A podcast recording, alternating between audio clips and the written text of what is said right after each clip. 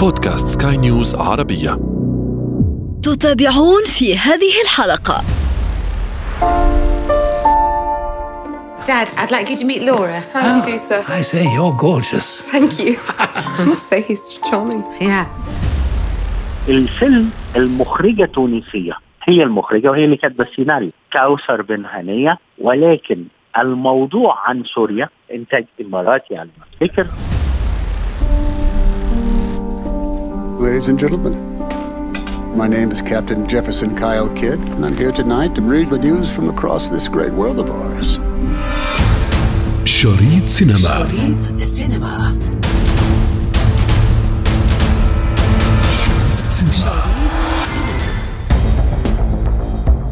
لا يزال الحديث قائما على جوائز الأوسكار التي ستكون في الخامس والعشرين من شهر أبريل القادم أفلام كثيرة تتنافس للقائمة النهائية لترشيحات الجوائز. ولكن اليوم في هذه الحلقة سنعرفكم على الترشيحات النهائية وعلى القائمة النهائية أيضا لهذه الأفلام. مفاجآت عديدة. نجوم بقوا ونجوم رحلوا. كل ذلك وأكثر ستتعرفون عليه الآن في هذه الحلقة من بودكاست شريط سينما. معي أنا ابتسام العكريمي. لا تفوتوا الأمر.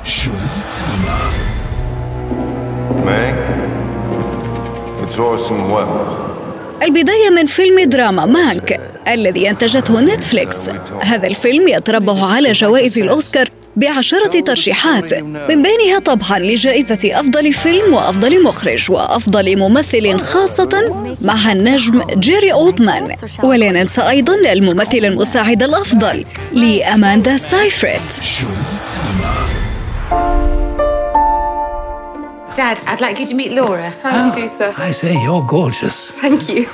I must say he's charming. Yeah. ترشيحات أفضل فيلم امتدت أيضا ل The Father وهو فيلم درامي عن مرض خرف الشيخوخة بالإضافة إلى Judas and Black Messiah والفيلم الناطق بالكورية Minari مع Nomadland Promising Young Woman و Sound of Metal بالإضافة إلى فيلم Trial of Chicago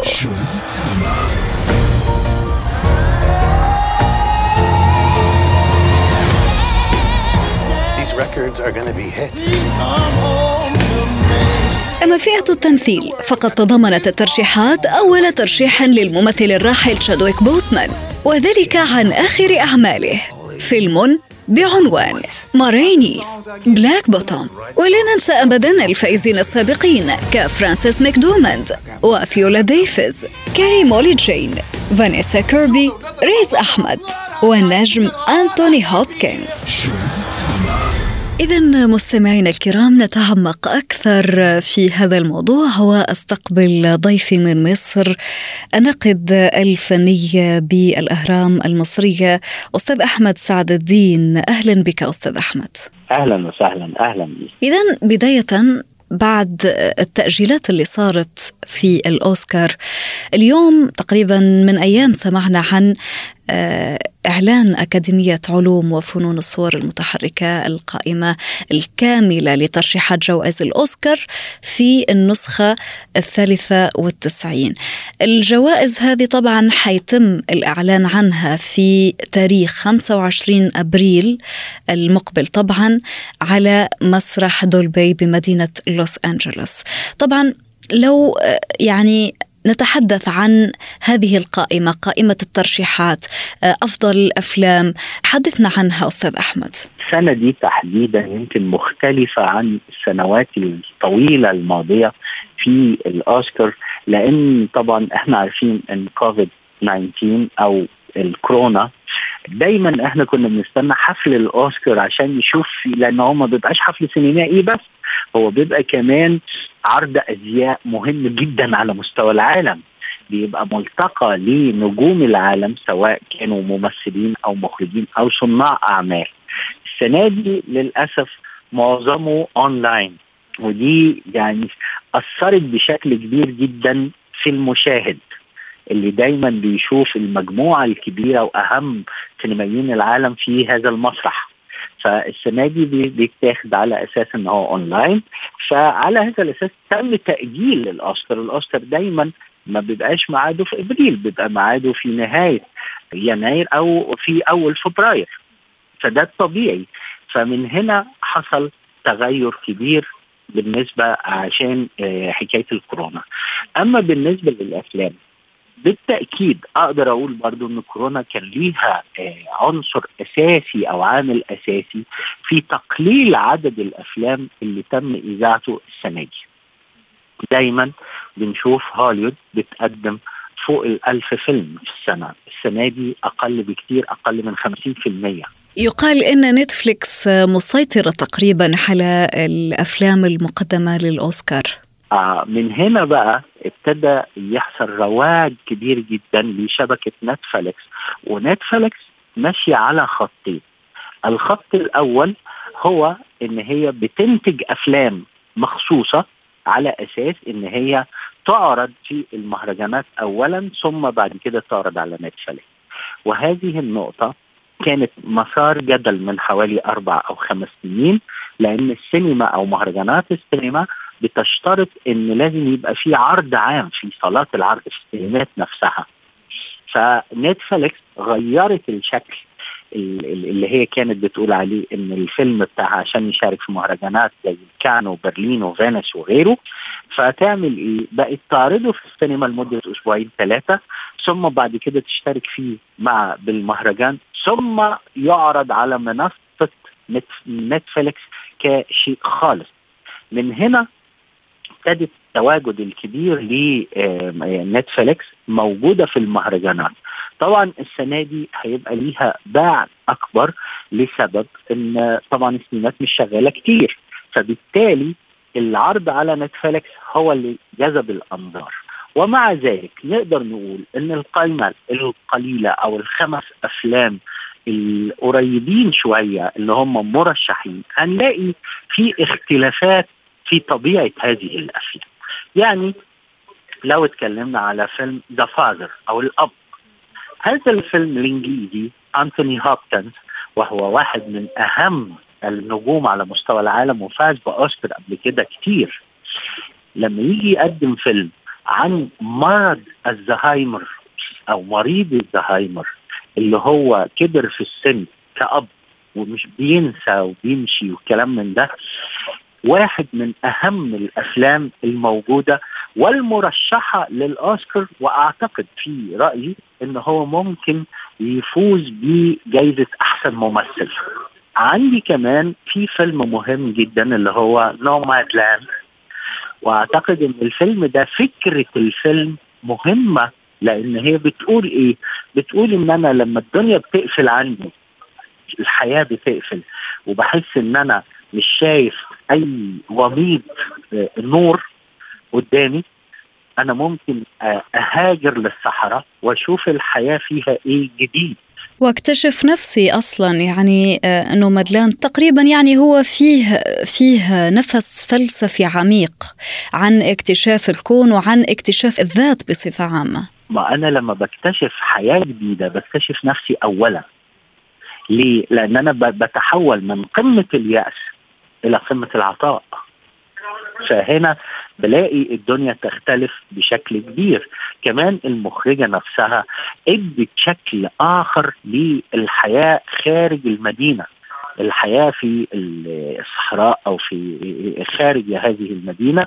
بنشوف الشكل المختلف في الخضرة والمية والصحراء وكل شيء مختلف. فده بعد فلسفي مهم جدا. عندي فيلم ما حدش بيتكلم عنه كتير ولكن هذا الفيلم مهم. اسمه الموريتاني أو ذا موريتانيان وهذا الفيلم مهم ليه؟ لأنه متاخد عن قصة ما أقدرش أقول إن هي حقيقية 100% ولكن قصة شغلت الرأي العام على مدار العشرين سنة اللي فاتوا وهو آه جوانتانامو سجن جوانتانامو وإزاي أحد الشخصيات اللي من موريتانيا آه وصل لهذا السجن أو آه تم حبسه أو سجنه في هذا المكان والمحامية الأمريكية وهي بتدافع عنه عشان تطلعه براءة. هنا بقى التناقض الكبير ودايما الغرب بي بيحاول يروج لها إن هي دي قمة الديمقراطية. أنا بتكلم على مواطن أجنبي وكمان في محامية من نفس البلد بتدافع عنه ضد حكومة بلدها وبتنجح بشكل من الأشكال. فهنا الإنسان بيختلف. حتى خروجه من هذا المكان أثر عليه بشكل غير طبيعي.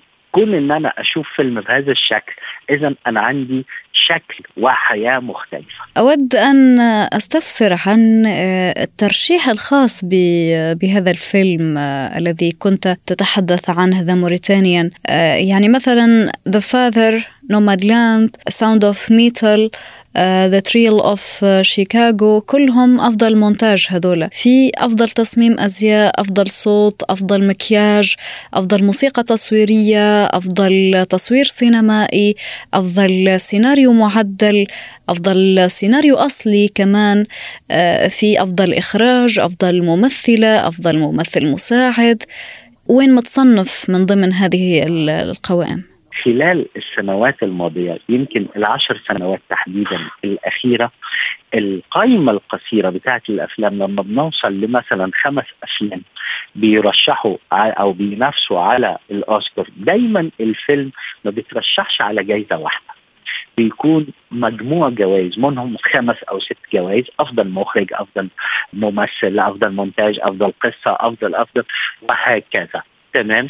وفي يوم من الأيام عشان تعرفي إن ده مهم جدا في يوم من الأيام الأوسكار أو أكاديمية الأوسكار أكاديمية الصورة قالت إحنا هنكتفي فقط بالنجوم الممثلين فمن هنا حصل مشكلة كبيرة وتم الاعتراض وقالوا إن الممثل مش هو كل شيء. أنا عندي ممكن فيلم من غير ممثل لكن ما أقدرش أعمل فيلم من غير مصور أو فني صوت أو غيره أو غيره. فاذا من هم خلف الكاميرا؟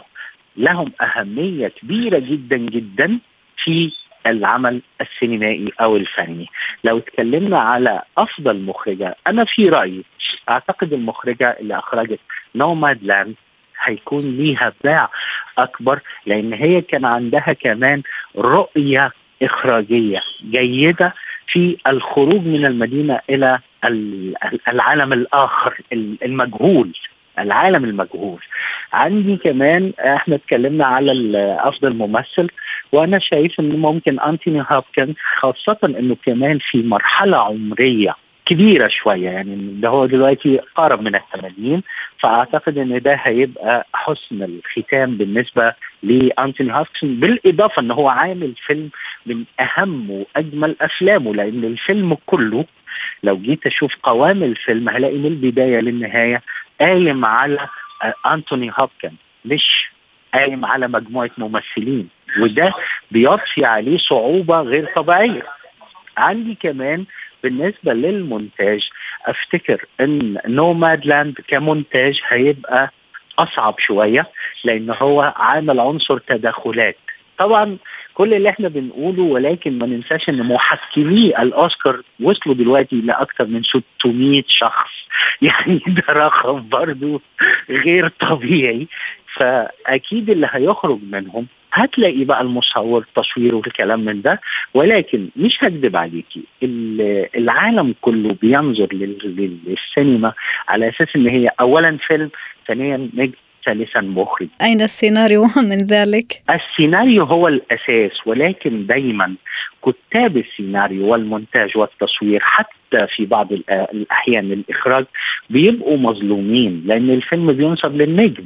للأسف على فكرة دي مشكلة. ففي العالم كله على فكرة مش عندنا في مصر بس ولكن أفتكر إن السيناريو برضه مش هيخرج عن نوماد لاند أعتقد كده لأن الفيلم لما بينجح بينجح مجموعة عناصر مش عنصر واحد. خاصة إن اللجنة حاليا ما بتجتمعش مع بعضها دي لجنة كلها ما تعرفش بعضها كل واحد بيرشح زي ما هو عايز فما بيبقاش في الحوار النقاشي. اللي اللي هو إيه طب إحنا نعمل ده؟ لا ما نعملش ده. فده حتى الآن ترشيحات. لكن طبعا رأي اللجنة لسه شوية. فبعد كده عندنا بقى الفيلم الغير ناطق باللغة الإنجليزية. هذه التسمية هذه التسمية تقريبا تم تغييرها إلى الفيلم الدولي. كانت الفيلم الأجنبي وصارت الفيلم الدولي. أولا وأخيرا هو فيلم غير أمريكي. لكن المسمى بيتغير وأنا فاكر إن من سنتين مثلا كان في فيلم اسمه روما وده كان من أعظم الأفلام وفاز الحقيقة بهذه الجائزة. السنة دي عندنا مفاجأة مهمة جدا وهي وجود فيلم عربي داخل القائمة القصيرة اللي ممكن نتمنى إن هي توصل للجائزة والله ما أنا هقول لك بقى إحنا هنقف هنا لسبب. لأن الفيلم المخرجة تونسية هي المخرجة وهي اللي كاتبة السيناريو كوثر بن هنية ولكن الموضوع عن سوريا الإنتاج برضه لا سوريا ولا تونس ده تقريبا واخد من آه إنتاج اماراتي على ما أفتكر. فهو فعلا هو فيلم عربي ولكن عايز أتوقف عنده لسبب. الفيلم اللي قبل كده وصل للتصفية الثانية كان فيلم آه إخراج نادين لبكي وكان اسمه كفر نحوم وهذا الفيلم برغم احتفاء الغرب الفيلم ساعتها إلا أن اللبنانيين نفسهم كان عندهم اعتراض عليه لأنه كان مختلف وبيبين شوية من المهمشين داخل لبنان. كفر لحوم كان بيتكلم على قرية اسمها كفر لحوم أو نقدر نقول معسكر أو ايا كان. وجاب المهمشين جواه إزاي بقى بيناقش زواج القاصرات إزاي بيناقش الأطفال. الطفل اللي أراد أن يحاكم والديه على أساس إن هم خلفوه وما اهتموش بيه وقصروا في التربية. فهنا يعني نقدر نقول إن المجتمع اللبناني كان معترض شوية. أنا رأيت هذا الفيلم وكان يعني جميل جدا صراحة. يعني حتى لو كررته أكثر من مرة ما تملش من مشاهدته. ولا ويعرض في قضايا يعني مجتمعية مهمة جدا. هو أو مشكلة الفيلم ده إن هو جمع مجموعة قضايا في عمل واحد ولم يكتفي بقضية واحدة ممكن إنه يناقشها. بشكل مختلف. الحاجة الثانية انه لما أتكلم على المهمشين داخل المجتمع وكأنه بيحاكم الحكومة اللبنانية في, في ذلك الوقت فعلى هذا الأساس يعني بعض النقاد اللبنانيين كان عندهم مشكلة في هذا الفيلم. فعلى هذا الأساس يمكن اتهاجم لكن أنا عندي العكس بقى في الوقت الحالي مع كوثر بن هنية والرجل الذي باع ظهره. ليه؟ لأن هو بيناقش اولا المشكلات الكبيرة اللي بيصادفها المهجرين السوريين. بيناقشها وإزاي خرجوا من بلدهم وراحوا سواء راحوا لبنان أو راحوا أوروبا. المشاكل الكبيرة اللي بي إيه بيصادفوها. فده عنصر أساسي. العنصر الآخر بيناقش قضية فلسفية مهمة جدا إن في فنان من الطبقة الراقية جدا والعالم الأوروبي بيشوف شاب سوري فبيتفق معاه إن أنا ممكن أرسم لوحة على ظهرك. فالشاب بيوافق مقابل إن هيجي في الوقت ده هياخد فيزا الشنجل ويدخل الاتحاد الأوروبي وهناك ممكن يقابل حبيبته اللي بيحبها فوافق. لكن البعد الفلسفي في الفيلم بيقول حاجة مهمة جدا. أنا كرسام أو كفنان أمتلك اللوحة لكن الشخص الآخر هو الذي يمتلك ظهره أو يمتلك حياته. بالضبط أنت لما بنرجع للعصور القديمة في عصر الرقيق ممكن امتلك جسد إنسان لكن عقله ما أقدرش امتلكه هنا كان الصراع ما بين الغرب والشرق أو نقدر نقول المثقفين والطبقة الراقية والمهمشين. الصراع على بعد فلسفي مهم جدا بيوصل في الآخر إن هو بيسيب أو الولد ده اللي كان مرسوم على ظهره اللوحة بشكل جميل بيوصل في الآخر إن هو بيبعد عن كل ده يقول أنا اخذت فلوس واخذت شهره مش عايزها لكن عايز ألاقي نفسي ولقى نفسه لما رجعت له حبيبته. من هنا أقدر أقول إن البعد الفلسفي السيناريو كان ماشي بشكل جيد جدا إلى منطقة النهاية لما رجع البلد عنده في سوريا. فهنا ظهر داعش والإرهاب. هذا الجزء من الفيلم بتاع داعش والإرهاب قد يكون. بيغازل به الغرب.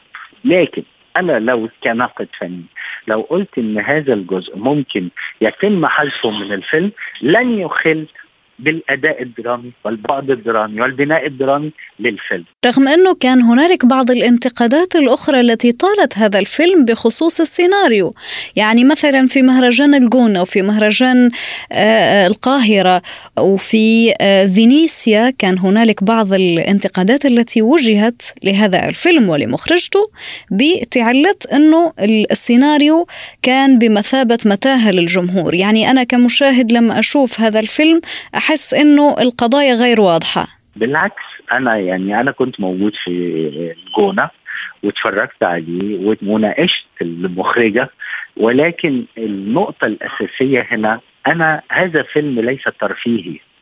يعني ده مش فيلم ترفيه فقط للناس اللي هي تدخل وتحبه كده ولكن هو فيلم قائم على بعد فلسفي مهم بيناقش قضايا سياسية اجتماعية. الأفلام اللي بتبقى قائمة على بعد فلسفي بتبقى محتاجة تركيز أكتر ونوعية مشاهد عنده ثقافة أكتر فممكن يحصل هنا اختلاف. طيب هذا الموضوع بدوره أستاذ أحمد.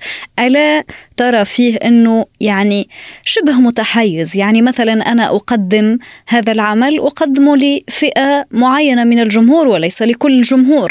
السينما في العالم كله تحتوي على ثلاث مستويات من العمل الفني بالضبط زي الهرم المجتمعي. عندي القاعدة العريضة والكبيرة وهي القاعدة الشعبية ودي بيبقى ليها أفلام. أقدر أقول بقى أفلام تجارية أفلام ترفيهية زي ما أنا عايز أقولها ودي ممكن بتبقى يغلب عليها الطابع الكوميدي أكثر. ثم الطبقة الوسطى ويبقى ليها أفلام. ليها معنى مهم جدا ولكن فيها ال ال إحنا بنقول لها التحابيش السينمائية اللي تجذب الجمهور معاها. ثم بعد كده الطبقة النخبة ودي عدد قليل جدا من الجمهور أو من المجتمع. وهنا بيبقى فيها الأفلام البعد الفلسفي. ويمكن إحنا عندنا في مصر على رأس هذا الهرم هو المخرج العظيم يوسف شاهين كان بيقدم أفلامه للنخبة. فما أقدرش أقول ان هو متحيز. هو بيقول حاجة بسيطة جدا. أنا مش كل الجمهور اللي جاي عايز ياكل لب وسوداني ومحمصه والكلام من ده يجي يدخل عندي. لا أنا عايز مشاهد يفكر يشاركني الفكر وده اختيار السينما في الأول وفي الآخر هي اختيار ديمقراطي للمشاهد لأن هو اللي بيقطع التذكرة. يا يدخل يا ما يدخلش. فمن هنا أفلام المهرجانات بتكون ذات الطابع الفكري.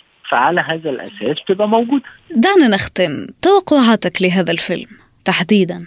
يعني يمكن أنا في من سنتين في كفر النحوم لم أكن أتوقع إن هياخد أي حاجة لأن مستواه الفني كان أقل شوية من الفكري أما بالنسبة للرجل الذي باع ظهره أعتقد إن مستواه الفني يتساوى مع المستوى الفكري فأتوقع حاجة من الاثنين يا إما ياخذ جائزه يا إما على الأقل شهادة تقدير.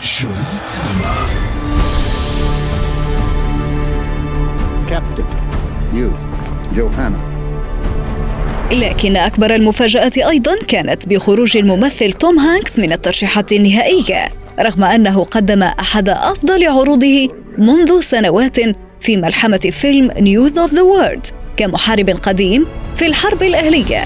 ويسعى لإعادة فتاة ألمانية شابة نشأت وسط الأمريكيين الأصليين إلى أقاربها البعيدين.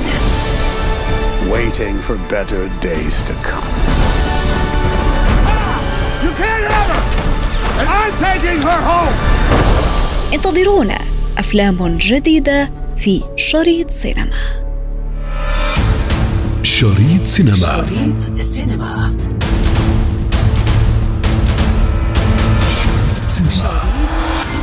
في ختام حلقتنا من شريط سينما ضمن منصة بودكاست سكاي نيوز عربية. نذكركم بمتابعتنا والاستماع لنا عبر تحميل منصاتنا المختلفة من البودكاست التي تجدونها على أبل ستور وجوجل بلاي كنت معكم في التقديم أنا ابتسام العكريمي ومن إخراج نويل بولوس.